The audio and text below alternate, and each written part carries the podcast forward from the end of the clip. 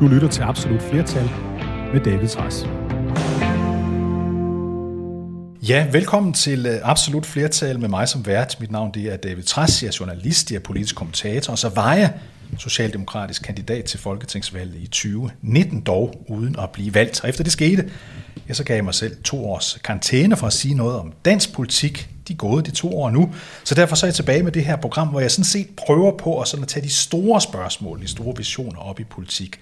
Og det gør jeg med den her leg, vi har, om jeg så må sige, vi kalder programmet absolut flertal, for vi fantaserer os frem til en verden, hvor det parti, jeg har besøg af, de har vundet et folketingsvalg, de har fået 90 mandater, og de får magten i 10 år i træk, så den politik, de har, kan virkelig, virkelig blive til noget. Og vi har tidligere haft Jakob Ellemann Jensen fra Venstre, Franziska Rosenkilde fra Alternativet og Morten Messersmith fra Dansk Folkeparti som gæster. I dag der har vi dig, Alex Vandopslag. Velkommen til. Tak skal du have. Alex, kan du sådan bare her til at starte med forestille dig tanken, at Liberal Alliance fik 90 mandater ved et folketingsvalg? Ja, jeg kan da godt øh, drømme drømmen, og jeg kan også forestille mig tanken, om den så er realistisk på den korte bane, øh, det er jo en anden snak. Ja. Men man, man kan jo forestille sig rigtig mange ting, ja. Og øh, jeg kan da også godt drømme om en fremtid, hvor man får liberal alliance politik gennemført, og forhåbentlig behøver man jo ikke 90 mandater nødvendigvis, før vi får indflydelse på dansk politik. Nej, men nu taler vi ikke kun om indflydelse, Alex. Vi taler simpelthen om den totale dominans, ja. Øh, og det vil sige, at der er ikke noget med, nej, vi skal indgå, vi skal tænke på konservative, okay, vi skal tænke på de andre, fordi, fordi så ved vi jo godt, at alting bliver vandet en, mm. en, en, en smule ud. Så lad os bare starte, vi går i dybden om lidt, Alex, men jeg vil egentlig gerne sådan som helt indledning, om du kunne svare så nogenlunde kort på at sige, hvilke tre sådan afgørende ting vil man kunne se, at Danmark var blevet forandret på, hvis vi ser 10 år frem i tiden, 90 mandater, du har været statsminister i 10 år? Jamen altså det første vil være, at vi vil have et bedre velfærdssamfund.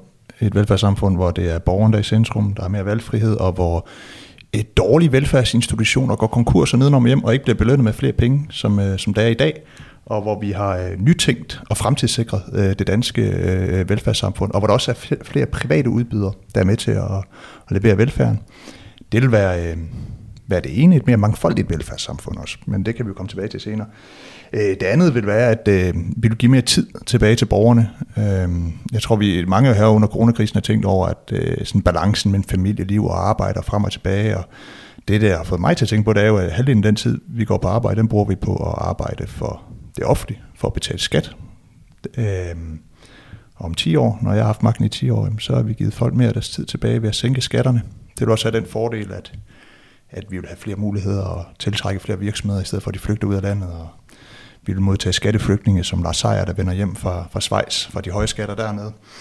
Øh, men det vil være en anden ting. Og så en tredje ting, du bad mig jo på forhånd om at, mm. at tænke over tre ting, og, og jeg vil lige nævne to af dem, jeg ikke har valgt, og hvorfor jeg ikke har valgt dem, så kan du jo selv tage dem op, hvis du vil se Men det ene, det er jo klima, altså det, det er jo en, en afgørende ting, at Danmark bliver, som, som resten af verden bliver, bliver mere bæredygtigt, øhm, men jeg har det sådan lidt, det er jo noget, som hele Folketinget i det store hele er enige i. Mm. Så er der jo en uenighed om metoderne. Vi så meget gerne, men eksempelvis fik kernekraft i Danmark, så vil vi løbe på mange andre muligheder, end vi har i dag. Men, men jeg vil alligevel ikke vælge klima, fordi jeg har sådan lidt, uanset hvem der kommer til magten, så er jeg ikke så bekymret for det. Det, det, skal, vi, det skal nok gå godt. Og det er egentlig det samme med udlændinge. Altså der oplever jeg, at der er en enighed i, i, fra øh, nye borgerlige til Socialdemokratiet om, at vi skal sikre, at dem, der kommer til Danmark, er i højere grad selvforsørgende, de bliver smidt ud af landet, hvis de er kriminelle, og at vi får ændret asylsystemet, så er vi bare uenige om metoden. Mm. Så altså lidt, det skal vi nok også få løst. Så den, den tredje ting, jeg har valgt, er øh, uddannelsessystemet. At vi får øh, i særdeleshed en folkeskole, men ikke kun i folkeskolen, men et, et, et skolesystem, der bærer præg af, af mere faglighed og, og dannelse, så øh, unge mennesker, når de er færdige med at tage en uddannelse, har noget, de kan bruge til noget, og også er mere rustet til at klare livets udfordringer. Jeg tror, øh, en af grundene, der er mange grunde til det, men en af mm. grunde til den øh, høj grad af mistrivsel og stress og angst, der er blandt unge mennesker, er øh, også et dannelsestab, at man i mindre grad ved, hvem man selv er, og derfor er det sværere at, at klare nogle af, af livets strabasser. Øh, men øh, jeg prøvede at gøre det kort. Jeg yes. ved godt, det blev lidt langt. Nej, det var fint. Altså tre, ja. tre hovedpunkter i virkeligheden her. Du siger et bedre, måske mere privat velfærdssystem. Du siger et system i Danmark, hvor man har lidt mere tid til sig selv. Det vil sige, at staten er lidt mindre, man betaler lidt mindre i skat. Mm-hmm. Og endelig et uddannelsessystem, hvor du siger, at uh, der skal være mere fokus på, på faglighed og på dannelse. Dem vender vi tilbage til, ja. uh, Alex, uh, lidt senere. Men uh, jeg vil godt lige starte med at tale lidt om, om dig også. Fordi, fordi uh, du er jo er en partileder at være forholdsvis ny i politik. Du er 29 år gammel, men du blev allerede valgt til dit parti, Liberal Alliances partileder, øh, efter valget i juni 2019. Der var du 27 år. Ikke? Og jeg kan jo godt gætte mig til, at selvom alle politikere siger, at når de ser sig selv i spejlet, så ser den kommende statsminister. Det gør du sikkert også en eller anden gang imellem i hvert fald. Men du havde dog alligevel næppe troet, at du første gang, du blev valgt ind i Folketinget, straks skulle være øh, partileder. Nej, det havde jeg ikke. Altså, jeg havde tænkt tanken, øh, før at jeg en dag gerne ville være partileder. Så altså ambitionen og tanken og øh, ja, ambitionen og tanken har, har, har været i mig. Og jeg tror endda, tanken slår ned i mig første gang et par dage inden valget, efter Europaparlamentsvalget, kan se, der er det der ringe valgresultat, og der når jeg endda at få den tanke, Gud, tænk hvis nu at, mm-hmm. ja faktisk meget af det, der så er sket efterfølgende, øh, men alligevel så havde jeg nok ikke rigtig i, i min vildeste fantasi forestillet mig, at det så ville ske.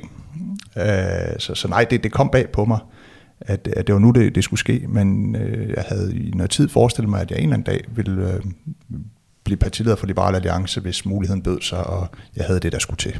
Og der kan vi jo også sige, at når nu vi leger den her leg, hvor vi siger, hvad nu hvis man havde 90 mandater, så vil nogen måske sidde og kigge på jeres meningsmåling, og nu siger, at de balancerer lige omkring spærregrænsen, mm. så er det mhm. overhovedet aktuelt. Så lad mig bringe noget positivt ind for dig. Mm-hmm. Da du var formand for Liberal Alliances Ungdom, ja. Der klarer uh, Liberal Alliance sig strålende til de såkaldte skolevalg. Det er altså ja, der, hvor folkeskolerne stemmer. I vinder.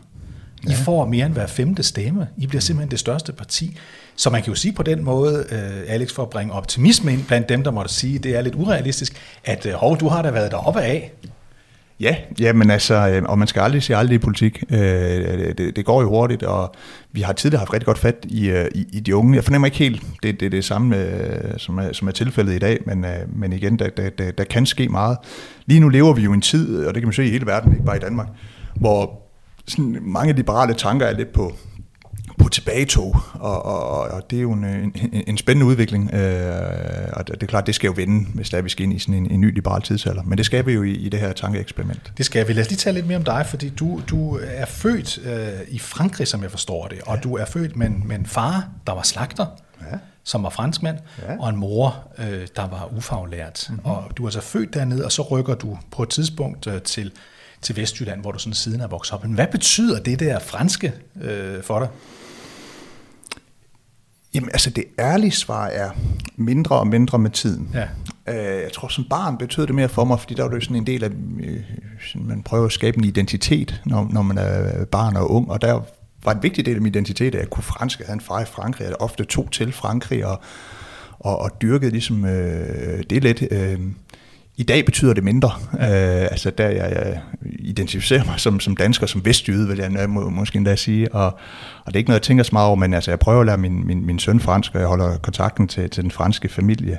Øh, så, så på den måde betyder det noget, men det er jo mere i forhold til det helt nære, øh, nemlig familien, og ikke så meget i forhold til, til alt muligt andet. Er du tit i Frankrig stadigvæk?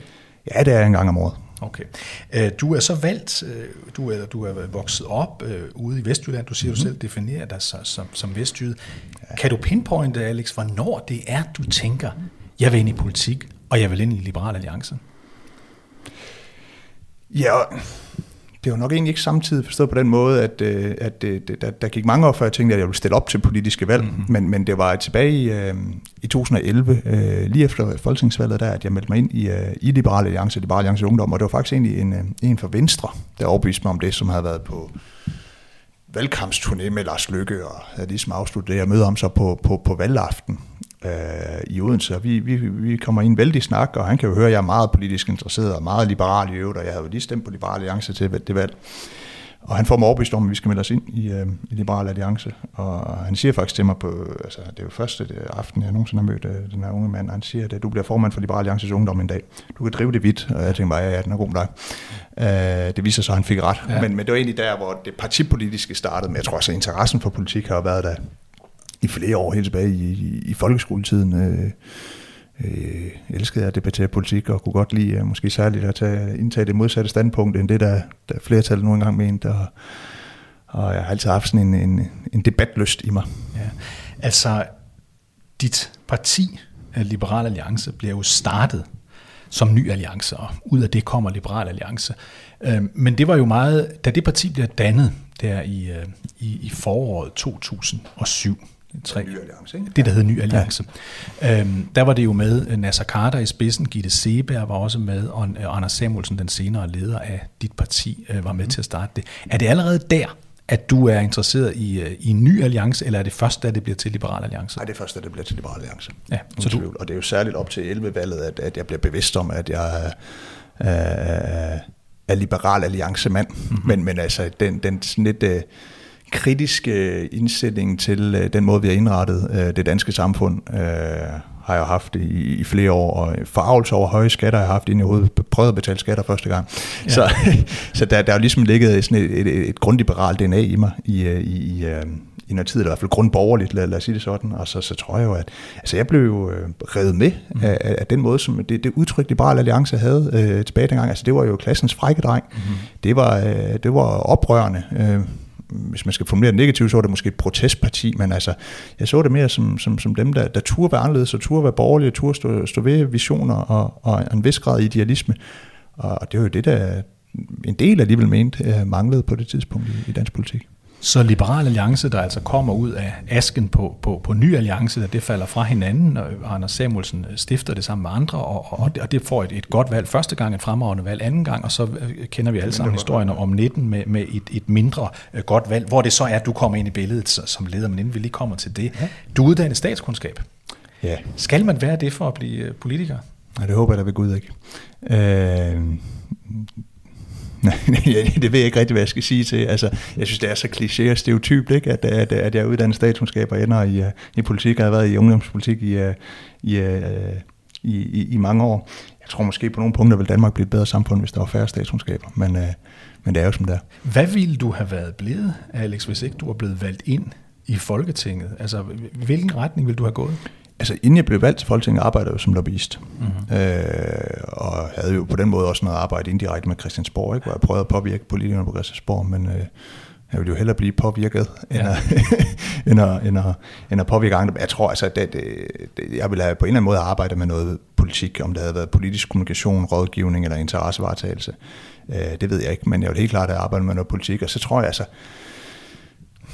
jeg altid godt kunne lide at stå på en scene, mm. og jeg kunne godt kunne lide debatten og sådan noget, så, så jeg tror, jeg vil have svært ved at holde mig fra det, om ikke andet i mine unge år, ja. øh, i, øh, mens jeg var i 20'erne her, så man har jo lyst til at, at komme ud. Men, men en lille sjov sidehistorie er jo, at jeg, jeg faktisk ikke ønskede at blive politiker eller læse statskundskab til at starte med. Jeg ønskede at blive journalist, og var til optagelsesprøven øh, på Journalisthøjskolen i Aarhus, mens jeg stadig læste i gymnasiet og klarede det okay, men ikke helt godt nok til at blive direkte optaget, så jeg blev indkaldt til en samtale, som den sidste på dagen en lørdag, op ved Journalisthøjskolen i Aarhus, og jeg tog toget fra Herning til Aarhus, og så tog jeg bus 17, der skulle køre ud til der byen, men jeg endte i stedet for i Brabrand, ja. fordi jeg tog en forkerte bus. Og så kom jeg aldrig til den samtale øh, på Journalisthøjskolen, og blev derfor ikke journalist, og tænkte, så må jeg jo søge ind på statskundskab, og så må jeg måske søge journalist øh, ting senere, men så var det så, jeg blev øh, ja, meget politisk interesseret. Så det er sjovt at tænke på, at det kunne have været dig, der sad her og, og lavede interviewet, hvis du havde taget den rigtige bus. det er ja, tilbage, præcis. Til, ja, tilbage ved den ja, optagelsesprøve, ja. så ville livet selvfølgelig have været så, meget øh, et, et godt råd til unge mennesker, der er, husk at tage den rigtige bus øh, på livets vej. Og så, og så øh, bliver du så aktiv i, i, i Liberal Alliances øh, ungdom, og nu er du så i, i, i Folketinget selvfølgelig. Leder af en gruppe, som det er jo ikke nogen hemmelighed, at, øh, at efter valget, hvor Anders Samuelsen, partilederen, ryger ud af Folketinget, I får fire øh, folketingsmedlemmer, en af dem, Simon Emil Amitsbøl Bille, træder så ud, så, I, så, mm. så jer tre, og så bygger I op. Øh, Prøver i hvert fald, ja. Går det godt? Ja, i det store hele gør det jo. Altså, det går godt forstået på den måde, at, øh, at det kunne gå meget værre. Altså, med tanke på, at vi kom ud af et valg, hvor vi havde fuldstændig ødelagt vores troværdighed som det ene. Øh, gruppen blev splittet kort tid efter. Mm og vi står uden nogen parlamentarisk relevans, og har valgt en 27-årig ung uprøvet leder. Mm-hmm. Øh, så i det lys, så går det jo godt, fordi nu er vi jo videre, mm-hmm. og øh, er, har, har mod på tilværelsen, og mener jeg også i hvert fald har en berettelse i dansk politik. Der er brug for et, et parti, der er mere liberal end Venstre og Konservative er det, men, men lidt mere seriøs end Ny Borgerlig er det. Øh, så, så på den måde går det jo godt. Men altså, meningsmålingerne har jo på nogle gode dage været op omkring 3%, så ser det lidt sjovere ud. på mange dage ligger de omkring valgresultater. Så, så når jeg ser på meningsmålingerne, så er jeg ikke tilfreds. Øh, og, og jeg kan jo ende med at lyde som andre øh, partiledere, du kan jo ind i studiet, der er dårlige målinger, og så snakker om, at der er kun en måned, der tæller, og det er jo den på valgdagen og sådan noget. Øh, og sådan er det også, men altså, jeg har sådan et, øh, jeg holder snuden i, øh, i, i sporet, og forhåbentlig så, øh, så vinder det. Men, øh, men selvfølgelig vil jeg gerne have, have bedre meningsmålinger, så det er jo ikke sådan, jeg vil påstå, at det går forrygende godt. Men, men jeg synes ikke, der er nogen grund til nogen dommedagsstemning for Liberal Alliance. Men i det her, i det her, ikke i det her parti, skulle jeg til at sige, i det her program, øh, der siger vi altså, der har været et valg. Liberal Alliance har fået et fremragende valg. Ja. Halvdelen af stemmerne, 90 mandater. Hold op, ja. Du danner en regering, du er statsminister, og det hele som du har lyst til, kan gennemføres. Og så nævnte du før selv de tre sådan ting, som du ville sådan særligt lægge vægt på, hvis du, hvis du blev valgt. Så lad os prøve at tage dem øh, en for en, fordi der er jo altid noget, man siger, der er noget, øh, altså holder det her til ikke-testen, du siger, at vi vil lave et bedre velfærd, så siger jeg, men pokker vil ikke det. Så, så, så, så fortæl mig, øh, øh, øh, Alex Van Opslag, hvad betyder det? Altså hvad betyder Liberal Alliances vision, idé om et, øh, et bedre velfærdssamfund? Jamen altså, må, måske skal jeg starte med, hvad det er for et problem, vi vil løse. Altså, fordi som jeg ser det, det store problem i, øh, øh, i, i, i, i vores velfærdssamfund i dag, eller med vores velfærdsstat, det er, at, at forventningerne til velfærden stiger, stiger, stiger.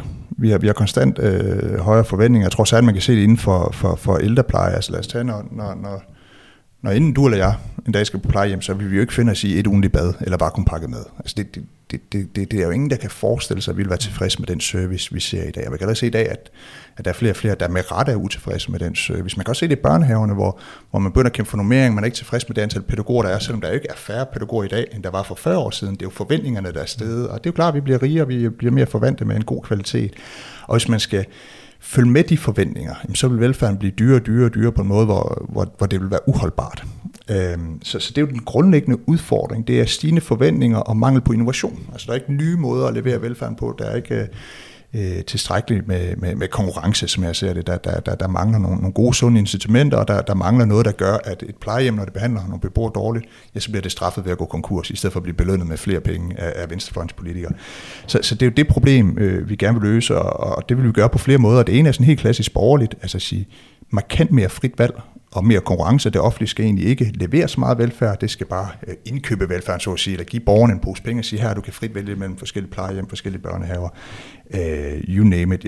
Jeg er fuldstændig overbevist om, at konsekvensen vil være, at, at borgeren kommer i, uh, i, i, i centrum. At vi får en helt anden servicekultur. Vi vil få en anden mangfoldighed. Altså, man har jo lavet en sådan lignende sådan voucher-system i, i, i Tyskland, hvor man med det offentlige betaler for, for, for plejehjemmene til, til, til de ældre borgere, men, men de har selv pengene, så at sige en pose penge, som de kan basere ved det plejehjem, de nogle gange finder bedst.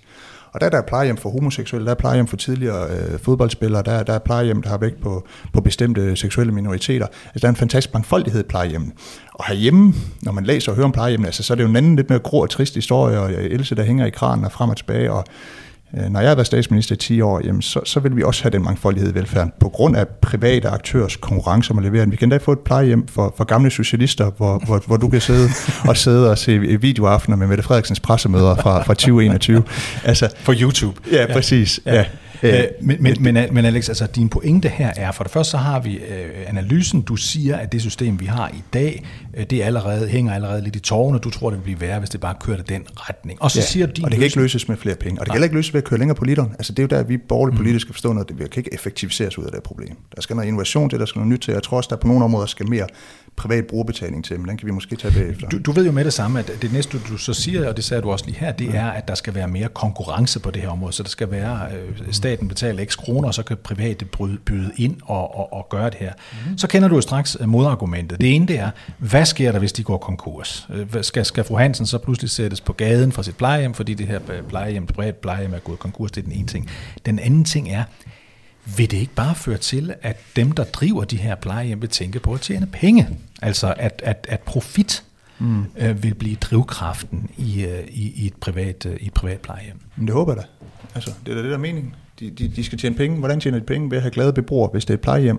Altså, hvordan tjener... Øh, øh, bilproducenter penge ved at producere gode, sikre biler? Hvordan, producerer, øh, eller hvordan tjener fødevareproducenter penge? Det er jo ikke ved at tage øh, røven på os alle sammen, det er ved at producere gode, sikre, sunde fødevarer. Mm. Så jeg sådan, altså, det der profitmotiv er jo det, der skal være med til at, at sikre øh, kvaliteten. Det er selvfølgelig ikke det eneste, der skal være glade medarbejdere, der skal være gode ledere. Altså, der, der skal også være en vis kontrol, ligesom vi har fødevarekontrol og frem og tilbage. Øh, jeg snakker ikke om sådan et eller andet øh, Wild West øh, velfærdssamfund, men, men, men det der at problematisere profitmotivet, det, det, det har svært ved at se, og det er heller ikke sådan, at de få plejehjem, vi har i dag, som har et profitmotiv, at, at, at, at deres løber øh, de ældre skrigende bort fra. Øh, måske snarere tværtimod. Og så er der det her spørgsmål om konkurs, som... Øh, det, det, det er rigtigt, at man vil opleve nogle... Altså, der vil jo være nogen, som, som skal gå konkurs. Mm. Og, og, og det, det kan have nogle, nogle, nogle, nogle, nogle trælse omkostninger. Men jeg synes jo næsten alternativet, hvis man ikke kan gå konkurs, det er jo værre. Og det er jo det, man lidt karikeret sagt, det indrømmer man gerne ser i, øh, i, i store dele af den offentlige sektor. Altså hvis man mishandler Else på plejehjemmet, så går man ikke konkurs. Så hører man derimod en masse politikere sige, der skal være flere kollegaer på Kærs, øh, Kærsudgård, han har sagt, det hedder det ikke, hvad hedder det, Kærsgården, var det? Hvad ja, var det? Plejehjemmet, det, det, var, det Aarhus. Plejehjemmet i Aarhus, ja. hvor, hvor, hvor Else var, ja. Øh, var, var, var beboer. Altså, hvis det var et privat plejehjem, så var det jo forhåbentlig gået konkurs, og så var det jo ikke noget, vi skulle begræde. Så, så vil der komme flere konkurser? Ja, forhåbentlig, har jeg næsten lyst til at sige. Vil der også blive, vil der også blive øget egenbetaling. Fordi noget af det, man siger, det er jo, at kigger man på privat skoleområdet, lad os bare tænke på det i forhold til, i stedet for pleje med et øjeblik, og så overført dertil, så siger man, at staten giver et, et, et, et bestemt beløb øh, til privatskolen, der er oppe i nærheden af at minde om det, som man får til en folkeskole, og så kan øh, velhavende forældre betale mere. De kan betale 1000 kroner mere, men hvis det er, man kan også forestille sig, at betale 10.000 kroner mere om måneden, eller 100.000 kroner mere om måneden, hvis de, vil, hvis de vil have en stadig bedre skole for dem. Vil vi se det samme, øh, hvis Liberale Alliance har magten, at, at egenbetaling i varierende grad øh, vil blive en del af, af, af den måde, vi driver vores plejehjem på? Uanset hvem der sidder ved magten, så vil vi om 10 år se, at der er flere, der vil betale for at få mere velfærd, også privat det er i min optik fuldstændig hævet over enhver tvivl. Og jeg ved ikke, om man skal passe på med at udtale sig så firkantet, men med det her, der er jeg så sikker mm. som armen i kirken, fordi forventningerne vil stige, og der er allerede nu en efterspørgsel efter øh, mere tilkøb i forhold til, til hjemmepleje og, og private plejehjem. Der begynder at være tryk, eksempelvis tilbyder nu en, en øh, nej, jeg tror det er Falk, det er så set en af de to, der, der tilbyder en, en, en, en omsorgsforsikring, mm-hmm. hvor man får ekstra velfærd, når man, når man bliver gammel. Så den udvikling, at der er nogen, der gerne vil tilkøbe mere ind til sig selv eller til deres forældre. Mm-hmm. Den er i gang, og den vil blive forstærket af, at vi øh, vokser op i et samfund med, med højt serviceniveau, og derfor vil vi også have det, når vi bliver gamle. Plus at vi med arbejdsmarkedspension, altså de fleste af os vil være millionærer, når vi går på pension. Vi vil have råd til det. Så, så den udvikling kommer lige meget hvad. Det der er forskellen på et socialdemokratisk samfund, og så det samfund, vi har, hvor jeg har været statsminister i 10 år, det er, at der er flere, der har råd til at tilkøbe den ekstra øh, private velfærd, altså den, man kan tilkøbe ud over det, man får fra det offentlige. Det, det vender vi tilbage til bagefter, når vi skal tale om, om, om skat og, og, og frihed, men hvor mange penge folk har. Ja, for men en, altså en af de ting, vi har foreslået, er jo en, en velfærdskonto, altså hvor man skattefrit kan indbetale i løbet af sit arbejdsliv, som man så kan bruge på ekstra private velfærdsydelser, når man bliver gammel. Altså, min oprigtige bekymring er den, at vi får i for høj grad et ulige A- og B-samfund, hvor det kun er de rige, der har råd til at tilkøbe en god velfærd, fordi man i sådan en ren misundelse gør det sværere at kunne tilkøbe den. Så kommer der mere privat velfærd? Ja, og målet er jo at sikre, at flest muligt kan få del øh, og gavn af, af glæderne ved det. Men, men helt ærligt, altså i dit øh, drømmescenarie her, så vil der da også være et A- og et B-hold, nemlig at dem, der tjener flest, de vil tjene endnu mere, end de plejede. Dem, der tjener mindst, vil muligvis tjene mere, end de plejede i dit, i dit mm. scenarie her, men de vil jo ikke komme, altså de rigeste vil jo blive rigere. Og vil det så ikke betyde, at, at der vil simpelthen være nogen, der vil kunne få virkelig dejlige plejehjem, øh, i stil med, hvad vi for eksempel kan se i USA, hvor nogle private plejehjem øh, ligner luksushoteller, mens der er andre, der har, der har problemer med overhovedet at blive passet. Er det ikke en risiko ved din model? Men altså, øh, der vil altid være nogen, altså, nogle af de allerrigeste, der vil kunne få det rigtig godt, eller også vil de bare kunne flygte ud af landet. Altså, dem behøver vi ikke bekymre os om. Og vi behøver ikke bekymre os om, om de får det for godt. Fordi det, det, det er jo ikke noget problem, hvis de får det for godt. Det lyder næsten sådan, at kan vi ikke risikere, at de får det rigtig godt? Mm, dejligt for dem, skønt for dem. Det, det, det, det synes jeg ikke er så interessant. Det interessante er, hvordan sikrer vi os, at flest muligt får en tryg alderdom. Og i det omfang, at det forholder sig sådan, at danskerne er utrygge ved at blive gamle i Danmark, så kan jeg godt forstå det. Det, det kan jeg oprigtigt godt, når man, når man hører og læser og ser, hvordan øh, mange danske plejehjem er i dag. Altså, så, så, så, så synes jeg heller ikke, det virker trygt. Så, så ambitionen og målet må være, at man indretter et system, hvor flest muligt har et godt instrument til at spare op til, at de selv kan tilkøbe noget mere, udover at sikre en, en, en velfungerende konkurrence af den her vagsordende linje, så man har sådan en, en basal velfærd, som alle kan få del i. Og det, det er jo egentlig ikke væsentligt anderledes end, end arbejdsmarkedspensionerne. Øhm, jeg tror, det var Torben Møre, fra Pensions Danmark. Direktør for Pension øh, Danmark. Øh, præcis, som jo er mangeårig socialdemokrat, der, der har råbt min, op om... Min tidligere formand, der var chefredaktør på Information. Det kan du bare se. Øh, du kender ham bedre, end jeg gør. Men han har jo snakket om det, han kalder velfærdssamfundets version 2.0, hvor man i højere grad har obligatoriske opsparingsordninger eller forsikringsordninger, som man kan bruge på, på, på, på ekstra velfærd. det er jo en, en socialdemokrat, der, der taler om den, den, den samme analyse, som jeg havde i, i starten af vores gode snak her. Øh, og, og jeg tror, at øh, den, den gode Torben Møre er, er mere fremsynet end mange andre socialdemokrater. Godt, så lad os lige runde ja. det her emne af, Alex, fordi det der er din pointe, det er altså, at når du har været statsminister i 10 år, så vil der være et mere mangfoldigt, et mere frit velfærdssamfund, ja. hvor folk mere vil kunne selv vælge, hvilken børnehave, øh, Præcis. folkeskole, gymnasium, ja. Øh, ældrepleje. Vi kommer som, til at se børnehaveledere, der får gazellepriser. det er ja, fantastisk. Det er det, øh, det, det, det, det, du, du forestiller. Ja. Der er sådan et, et, et, et fast indslag her i, i mit program, Absolut Flertal, hvor jeg siger til en, der ikke holder af det parti, der er gæst i dag. Øh, hvad, hvad forestiller du dig egentlig, der vil ske, hvis nu øh, i det her tilfælde Liberal Alliance vil få magten i 10 år med absolut flertal? Og i dag der har jeg spurgt øh, øh tidligere DSU-formand og nuværende visdirektør i Tænketanken øh, Severa, Alexander Grant Petersen, om hvad han forestiller sig, der vil ske, hvis Danmark havde 10 år med dig som statsminister og Liberal Alliance i spidsen. Jeg kan godt øh, afsløre allerede nu, han er ikke begejstret, men lad os lige lytte til det her. Jamen, jeg tror, det værste, der vil ske, det er, at vi vil, vi vil have et markant mere ulige samfund. Øh, altså, de rigeste, som i forvejen er blevet markant mere rige de sidste 20 år, de vil, øh, de vil få endnu mere. Øh, både når det handler om, om lønindkomst, men i virkeligheden, når det handler om formue, øh, boliggevinster, øh, aktiegevinster osv. Øh, det, det er jo, der, der er jo ingen i Liberal Alliance, der drømmer om, at man skal regulere øh, på aktiemarkederne, på boligmarkedet, øh, at vi skal øge skatterne. Øh, så det, det tror jeg vil være et af de helt store forandringer af vores, øh, af vores samfund. Øh, og derfor vil vi få et mere amerikansk samfund, et mere britisk samfund, hvor det sociale sikkerhedsnet ikke er lige så stærkt, fordi det er klart, jo, jo færre indtægter, der kommer ind, og jo mindre omfordeling der er, øh, jo færre øh, indtægter der er også til at finansiere velfærdsstaten. Så vi vil opleve en privatiseret velfærdsstat, hvor dem, som har mest, de kan, de kan også få den bedste ældrepleje, hvor dem, der har mest, de kan sende deres børn i de bedste skoler, øh, hvor dem, der har mest, de kan komme foran i køen på, på, på hospitalerne. Og det synes jeg er et meget stort opgør med alt det, vi kender fra den, øh, fra den danske øh, velfærdsmodel. Øh, så det vil jeg advare meget, øh, meget kraftigt imod. Du lytter til Absolut Flertal med David Træs jeg ved ikke, hvor stort et problem det nødvendigvis er, men, men jeg kan godt være bekymret for, om, øh, om vi lige pludselig ser ind i en fremtid, nu er vi lige tilbage i 2021, ja. men om vi ser ind i en fremtid, hvor, øh, hvor det kan være sværere, øh, altså hvor vi får sådan gentrificeret København fuldstændig, hvor det kun er dem, der har en, en, fået en bolig af deres forældre, der har råd til at bo i København. Altså det kan jeg godt være bekymret for, at, at, at det, altså så bliver uligheden muligvis et problem. Så hvornår, så hvad, hvad ulighed, lad, lad os prøve at, at kigge på det lidt mere konkret. Er der for stor ulighed i USA i forhold til, hvis det var i Danmark? Ja, altså jeg tror, at de fleste stater i USA er det ikke, fordi der er en, en, en enorm uh, ulighed. Altså jeg synes, at uligheden bliver et problem, hvis det går ind og, og begrænser nogle muligheder.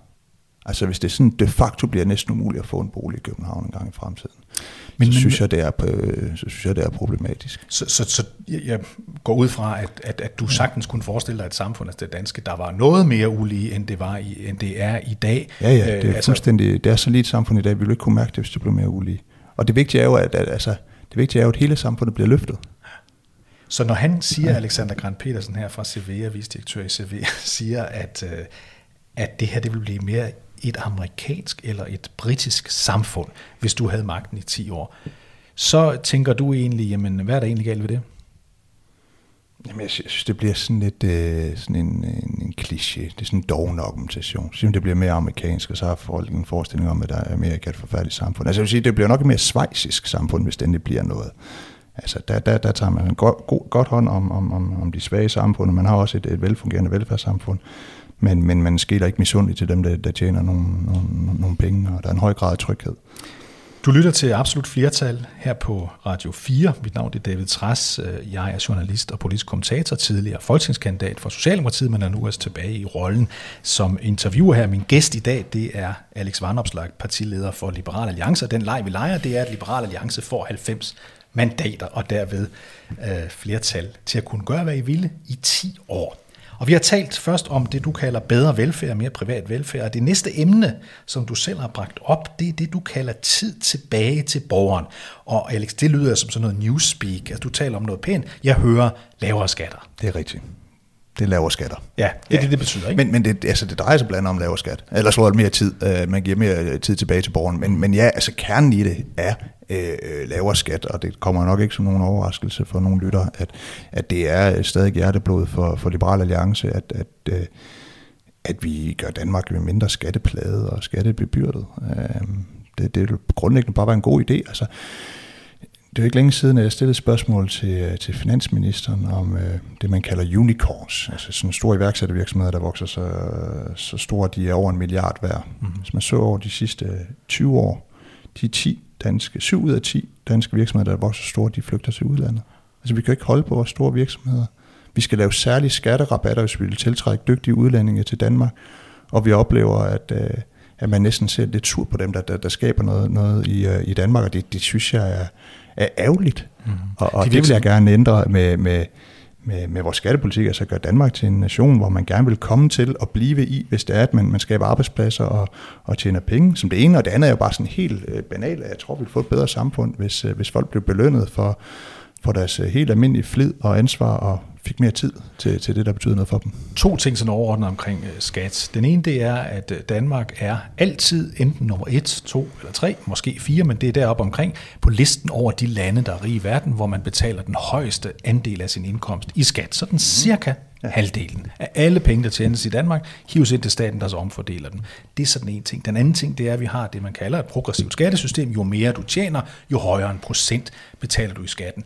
De to ting ved jeg jo, at det er jo ikke noget, der gør dig stolt og glad, at det er sådan, vi har det i Danmark. Mm. Så hvad skal vi så have? Altså, hvor skal vi være hen? Skal vi være i toppen af skatten i, i, i verden med cirka 50 procent i, i, skattetryk, eller hvor skal vi ligge hen, Alex? Altså, jeg tror, man kan jo starte med at gennemføre øh, Liberale Alliances politik. Det var det, vi, det var det første, vi gjorde. Nu er jeg lidt i tvivl om formen ja. på det hele. Ja. Men, men altså, vi skal gøre da det første. Magten, ja. Da vi fik magten, der gjorde vi de første 7.000 kroner skattefri. Ja. Dem, altså de første 7.000 kroner, man tjener hver måned, blev skattefri.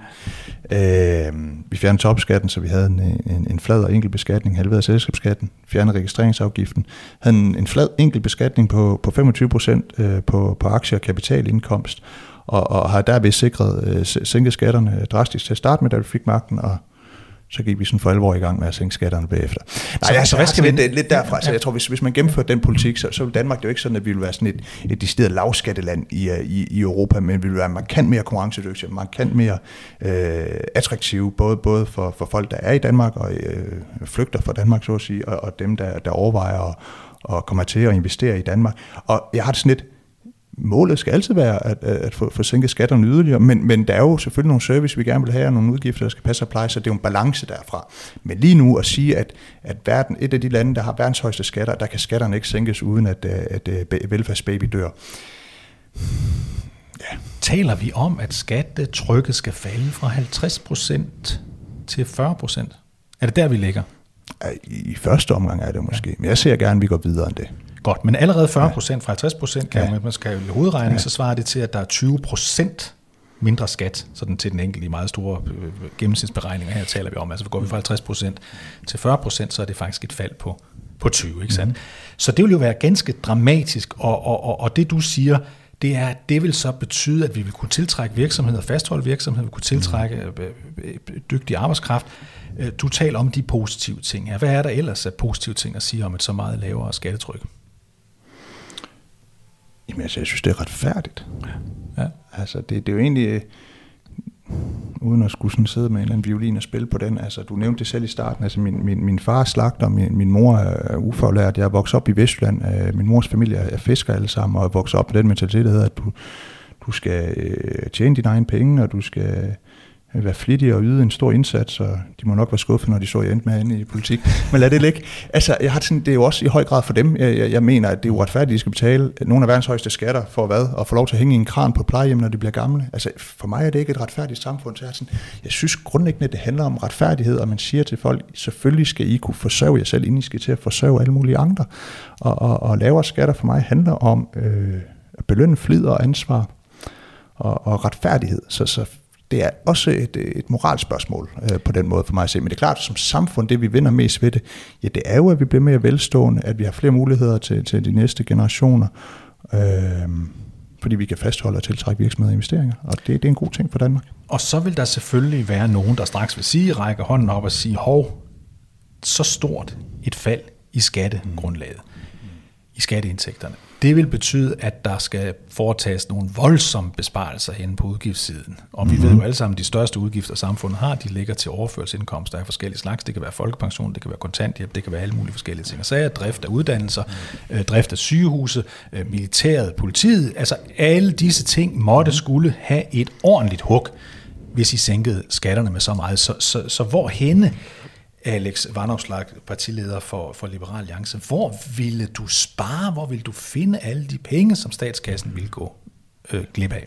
Produktivitetskommissionen slog for nogle år siden fast, du har hørt den her fra min forgænger før, men slog for nogle år siden fast, at man kunne spare 10% i den offentlige sektor, uden at det ville gå ud over kvaliteten, altså alene ved, ved øget produktivitet. Så der er noget, noget uforløst potentiale der. Der er noget uforløst potentiale i, at vi siden Poul Slytter talte om at modernisere den offentlige sektor, altså afbyråkratisere den, det var egentlig det, der var hans mål, har haft skiftende regeringer, der uden undtagelse har lavet afbyråkratiseringsreformer og programmer, uden at en eneste af dem er lykkes med noget som helst. Byråkratiet er kun stedet de sidste 40 år. Og, og jeg har sådan, man bliver nødt til at forstå, hvad, hvorfor har vi byråkrati i Danmark? Ja, det er jo erstatningen for konkurrence. Normalt i, i, i det velfærdssamfund, jeg har skabt om øh, i de sidste 10 år, øh, der har vi kunne fjerne byråkratiet, ja. fordi konkurrencen sikrer, at der er en høj kvalitet i velfærden hvor vi tidligere havde byråkrati for at sikre, at medarbejderne udførte deres arbejde godt, fordi hvis ikke de udførte det godt, så var der ingen konsekvens ved det. Så, så, så der er jo enorme mængder byråkrati, man, man kan spare ved at, at indføre konkurrence, frihed og tillid i, øh, i stedet for. Og så tror jeg noget, noget som øh, mange arbejdspladser lider af, også private, der er enorme mængder pseudoarbejde møder, der ikke er nødvendige, og arbejde og projekter og PowerPoint-præstationer, som ingen nogensinde har efterspurgt, og som man laver for, for sin egen skyld, han har sagt. Altså, der, der er store, store øh, besparelsespotentialer der. Og så er der selvfølgelig hele sådan øh, altså vi ser jo, at der er gerne, der, der, der er færre der på overførselsindkomst, og at dem, der, der godt kan klare sig selv, måske også skal gøre det i højere grad. Altså tage sådan noget som, som SU, det kunne man godt gøre lånebaseret. Det har været 16-18 milliarder hvert år. Ulandsbistanden, der bruger vi noget i, i samme størrelsesorden. Altså, får vi virkelig så meget ud af de der hvad mange skal, milliarder? Hvad, hvad, ulandshjælpen, lad os bare tage den, 15-17 øh, milliarder. Halveres, eller hvad? Ja, det er jo store beløb, du taler om. Ja, vi, øh, en halvering vil være, være en god start, og så tror jeg i høj grad, at vi skal bruge pengene på, på at hjælpe øh, flygtninge og asylmodtagere i, i nærområderne. Altså det er jo en, en, en, en, øh, en helt anden ting, som, som vil blive ændret i fremtiden. Det tror jeg så ikke kun er, fordi jeg er statsminister. Det ville måske også være sket, hvis en af mine andre kollegaer var så dygtig at få 90 øh, mandater. Men det er jo, at, at før eller siden vil vi jo se, at, at vi, vi stopper med at tage imod øh, spontane øh, asylansøgere i Europa. Øh, det er i hvert fald min analyse, men det er lidt noget gætværk. Men jeg tror, altså, med de spændinger, der er, øh, så, så, så tror jeg, det er et spørgsmål om tid, inden at øh, nogle af de store lande i Europa, de vil begynde at rykke og sige, nu, nu, nu skal vi have ændret øh, øh, konventionerne. Så. Jeg bemærkede her ja. i, i løbet af sommerferien, at øh, Lars Tvede, kendt erhvervsmand, ja. øh, god ven af dit parti, øh, Liberal Alliance, mm. øh, han var på sommerferie sammen med Henrik Dahl, ja. øh, medlem af Folketinget, også for Liberal Alliance, og der gengiver han sådan nogle vittigheder, som han siger, at, at, at, at Henrik Dahl er dygtig til at sige, og en af dem, det er, at Lars Tvede angiveligt spørger Henrik Dahl, hvor mange er egentlig, hvor mange arbejder egentlig i Københavns Kommune, hvor til svaret var cirka halvdelen. er, det, er, det, er, det, er det det, du egentlig også siger her? Det er, at der er så mange ansatte i den, i den offentlige sektor, at de står i vejen for hinanden, og vi ville kunne, ifølge dig, drive den offentlige sektor for dramatisk færre mennesker. Ja, vi kunne gøre det mindre komplekst og mindre byråkratisk. Og det er også et politisk ansvar. Altså, vi skaber jo enormt kompleks lovgivning, der efterfølgende skal administreres. Og det skal det jo dygtige mennesker, der modsat også politikere forstår lovgivningen. Og så har man jo virkelig brug for mange jurister og, og hvad ved jeg. Så, så, så ja. Og så er det jo en, øh, øh altså, vi har fået øh, et, et samfund, som i højere grad, øh, højere, højere grad bærer præg af at have brug for mange øh, kommunikationsfolk og journalister. Altså, der er jo store stigninger i antal journalister ude i kommunerne, mens man så på nogle områder afskeder øh, plejehjemsmedarbejdere og lignende. Altså, det er jo, ja, jeg synes, det er helt øh, gak. Du lytter til Absolut Flertal med David Træs.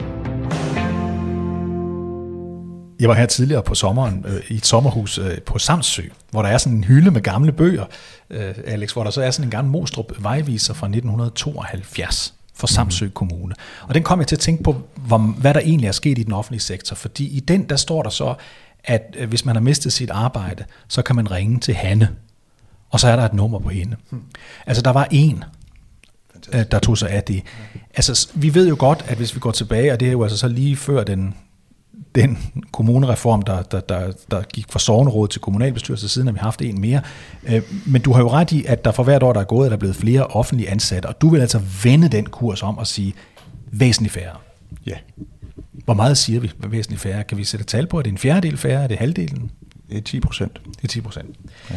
Godt. Vi er og kommet vi starter med de kolde hænder. Vi tager de kolde hænder, det er djøfferne.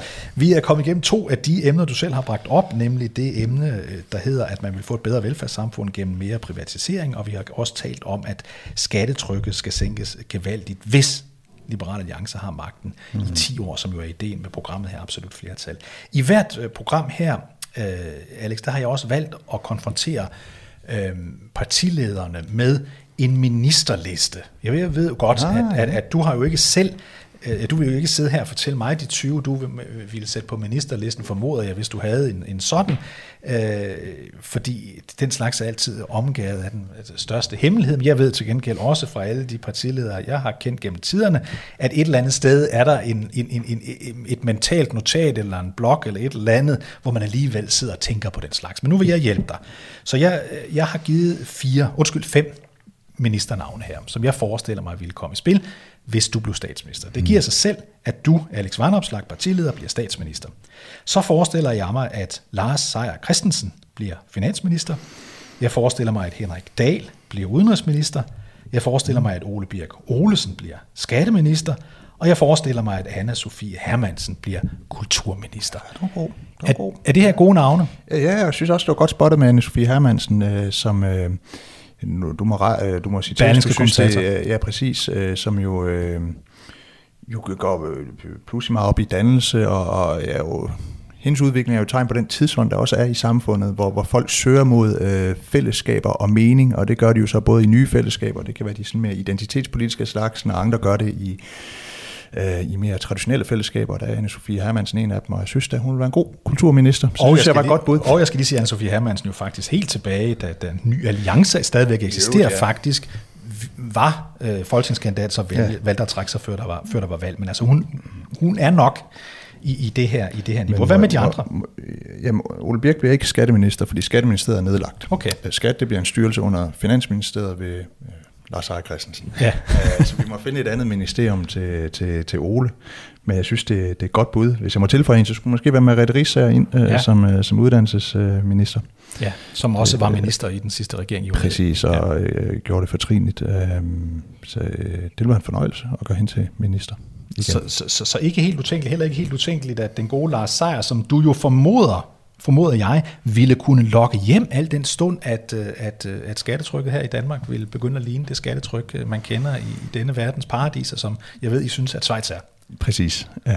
Så det ville kunne lade sig gøre. Det håber jeg da. Godt. Så det her, det var, altså vi, vi siger altså dig selv som, som statsminister, Ole Birk Olsen, Henrik Dahl, Lars Seier Christensen, Anna Sofie Hermansen, og så tilføjede du selv Marete Risager som nogle mm. af dem, der skulle være minister. Skulle der jo være 20 ministre, som der er i dag? Eller Nej, det, 20? Det, det, det vil der ikke være brug for. Øh, hvis du tager et land som Schweiz, som er et, et, et samfund, jeg generelt mener, at vi på mange punkter kan lære noget af, så har de otte ministre, og de er ofte ukendte i befolkningen, fordi de, de fylder ikke så meget. Nu er det Schweiz selvfølgelig også en ret anderledes forstå på den måde, de har mere direkte demokrati og flere folkeafstemninger og sådan noget, og det er noget af en super tanker, der skal vende, synes man skal ændre hele den demokratiske kultur i Danmark. Men, men altså, det at øh, nå frem til et samfund, hvor vi lovgiver mindre, hvor politikerne fylder mindre, og hvor staten fylder mindre. Det er helt klart mål, og så er der også brug for færre, færre ministre. Jeg har altid tænkt, når jeg kigger på USA, som jeg har beskæftiget mig meget med, at den amerikanske udenrigsminister, når vedkommende mødes med danske kolleger for eksempel, så har den amerikanske udenrigsminister jo i sin portefølje, både det, der svarer til at være udenrigsminister, det, der svarer til at være nordisk øh, minister i Danmark, det, der svarer til at være udviklingsminister i Danmark, og nogle gange det, der svarer til at være handelsminister i Danmark. Alt det ligger i virkeligheden i en post, så mm. også i USA har man jo faktisk færre. Ministre, men det er selvfølgelig også bare en supermagt. Du vil altså have færre øh, ministre også her. Der er mindre politik, ja. Og det, der, der er jo en spændende ting, en spændende diskussion i gang lige for tiden øh, hen over sommeren her, om, om vi lovgiver for meget mm. på Christiansborg, og for hurtigt og for tjusket. Og, og øh, jeg synes ikke helt, jeg har insiniteten til at bidrage så meget til den debat, men, men jeg, jeg synes, der er blevet sagt mange kloge ting af andre mennesker i den indtil videre. Og det, der er blevet sagt, det er, at der nok bliver lovgivet for meget og for detaljeret ja, de fleste mennesker præcis. i hvert fald. Ja, for meget er til langt ud på natten, og Godt. Lad os øh, skifte til det tredje punkt, øh, som du selv øh, bragte med ind i debatten, nemlig det, du kaldte uddannelsesområdet, men du præciserede det faktisk ved at sige, at du vil have et uddannelsessamfund med mere faglighed og mere dannelse. De fleste vil nok sige ja tak til mm. fagligheden. Nogle vil måske sige dannelse. Nu lyder du som sådan en, en der bor på Frederiksberg og, går, og har fået blåt hår. Ikke du, du som lyder lidt gammeldags, så vil have, at vi skal sige de til hinanden og sådan noget. Eller hvad er det, vi, vi taler om her med dannelse? Ja, det er nok egentlig bare en større bevidsthed om... Øh om hvad det er for et samfund, vi lever i, og hvad det er for en fortid, vi har haft, og hvad det er for nogle værdier, der binder os sammen. Altså, øh, jeg synes, det man ser, ikke bare i Danmark, også i andre lande, er jo øh, nogle, nogle ret hårde værdikampe, som det ene i, i samfundet. Altså, øh, man kan sige, hvis man skal dele det lidt firkantet op, så er det dem, der er sådan lidt med identitetspolitisk woke, så at mm. sige. Øh, på, på den ene side, og så jeg ved ikke, hvad man skal sige, sådan nogle, nogle mere konservative, traditionelle øh, på, den, på den anden side, men, men om ikke andet, så oplever vi i hvert fald, at der, der er hårde de der værdisammenstød i, i samfundet, øh, fordi det fælles grundlag på en eller anden måde er, er forvidret. Altså vi er blevet frigjort fra traditioner og fra familie og religion af hver art, og, og noget af, meget af det er jo ikke, ikke skidt. Men, men bagsiden af medaljen ved det er, at, at, at vi som samfund i mindre grad har et, et stærkt øh, fællesskab, og det mærker man blandt andet med de her hårde værdikampe, og jeg tror også, det er en blandt flere, vil jeg skynde mig at sige, men en medforklarende årsag til, at, at mange unge har det svært i dag.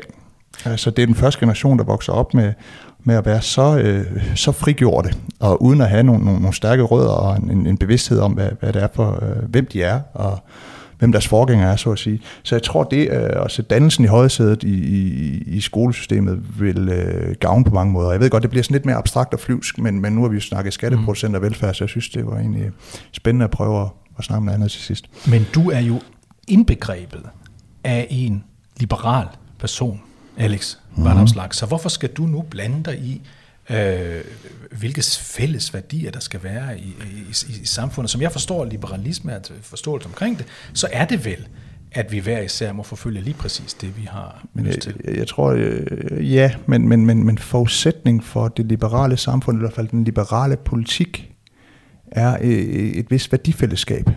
Fordi et liberalt samfund, hvor man siger, at alle må leve præcis som de vil, mm. altså vi kan få en masse folk op fra Mellemøsten, der lever i et parallelt samfund i deres ghettoer med, med, med, med sharia-lovgivning.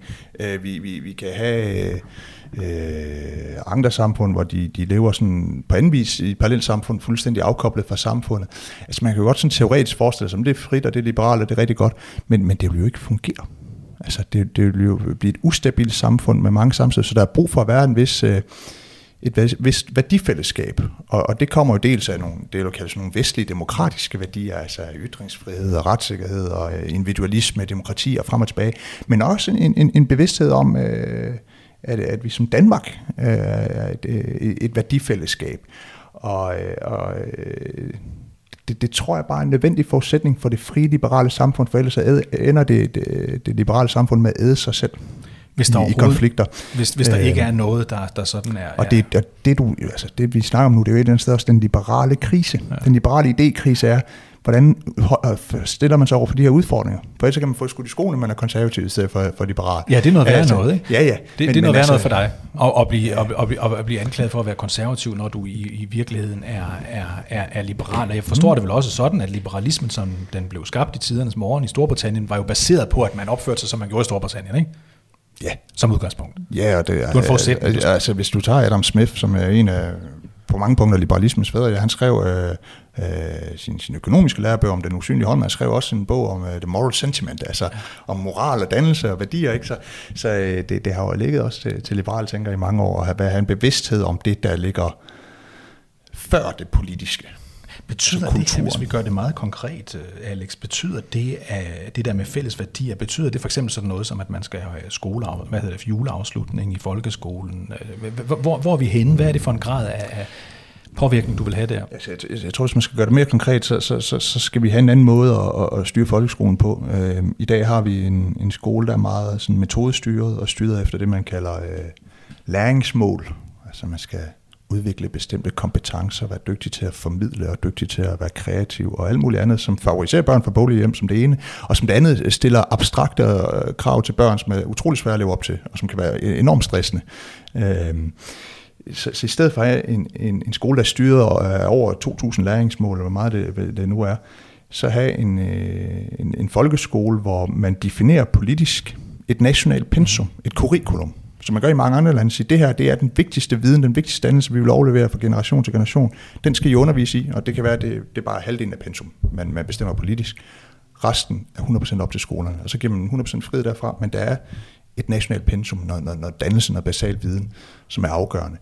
Øh, jeg, jeg tror, det politisk vil være en farbar vej, men altså, eller ikke en farbar vej, en, en gangbar vej. Ja, ja. Øh, men, men når der er et farbart spørgsmål, så er det jo, vi har set med, med, med den seneste folkeskolereform, at, at, at hasværk, det, det, det er magtværk, og, og det er jo svært politisk at designe en god skole. Men jeg tror, det er de baner, vi skal tænke i at sætte fri i forhold til metoden, men have lidt større styring i forhold til formål og, og pensum. Vi skal snart til at runde af her i programmet Absolut Flertal i dag med Liberal Alliances partileder Alex Varnopslag, som er, og vi diskuterer tre ting, som er vigtigt for Liberal Alliance. Hvis Liberal Alliance får magten i 10 år, og har fuld flertal. Det, der vil ske, det er, at altså, der vil komme et samfund, hvor der er bedre velfærd. Det skal ske gennem mere privatisering og konkurrence. Der skal være mere tid tilbage til den enkelte. Det er et nyt sprog for, at skatten skal være lavere. Mm. Og så skal der være mere faglighed og dannelse i uddannelsessystemet. Udover det nævnte du også, at du selvfølgelig også synes, at klima- og udlændingespørgsmål er vigtigt. Lad mig lige tage sådan tre mm. uh, korte spørgsmål her mod slutningen. Uh, skal Danmark forblive medlem af den europæiske union, hvis du er statsminister i 10 år? Ja, men øh, federalisering af den europæiske union skal stoppe. Skal vi stemme om nogle af vores forbehold, eller skal vi beholde dem? Vi skal beholde dem. NATO? Skal vi forblive medlem af NATO? Ja, vi skal op på 2 procent. Ja, I bidrag, ja. ja, ja altså, vi skal bruge vores BNP på forsvarsudgifter. Ja, ja. I dag bruger vi, eller vi har lavet nyt for forsvarsforlig, der betyder, at vi kommer op til 1,35 procent, men der skal bonges, må det jo nærmest være 50 procent oveni, for at nå 2,0 ifølge dig. En uh, sidste ting, som du jo har nævnt, det er, det er udlændingområdet. Vil der komme flere udlændinge, forstået som udlændinge fra, den, fra, fra, fra tredje verdens lande, til Danmark hvert år, ligesom det har været tilfældet meget længe, når vi lægger det hele sammen, flygtninge, familiesammenføring osv., når du er statsminister? Nej, men der vil komme meget mere udlandsk arbejdskraft til Danmark, men formentlig ikke fra de lande. Fra hvilke lande så? Forhåbentlig hele den vestlige verden, men øh, også det, man betegner som, øh, som øh, Østasien, ikke? Må, må det være, ja. Vil, som det sidste spørgsmål... Australien og lignende, vil, hvis vil, det hører under Vesten. Vil uh, integrationen fungere bedre, når du er statsminister? Ja. Men, men jeg tror, en forudsætning for, at vi får bedre integration i Danmark, det er, at, at, at, at, vi, at antallet af, af nye, der skal integreres, holdes på et lavt niveau. Så, så, så, så, så det vigtige for dig ja. at sige, der på udlændingeområdet, der vil komme færre hvert år. Ja, til gengæld så skal man måske give bedre mulighed for dem, der er her, at de ikke skal jages hjem i en fart, men at de uh, har bedre mulighed for reelt at integrere sig. Forestiller du dig, at vores øh, tætte alliance til USA vil være stærkere, hvis du er statsminister? For at være ærlig, så tror jeg ikke, at det, at jeg er blevet statsminister, vil ændre udfaldet. Men, men jeg tror, at Danmark har stærke, stærke relationer til USA, også om 10 år. Er USA Danmarks vigtigste allierede? Hvem er næst vigtigst? Måske EU, der er, ja, det ved jeg ikke. Det er et godt spørgsmål. Vi får se.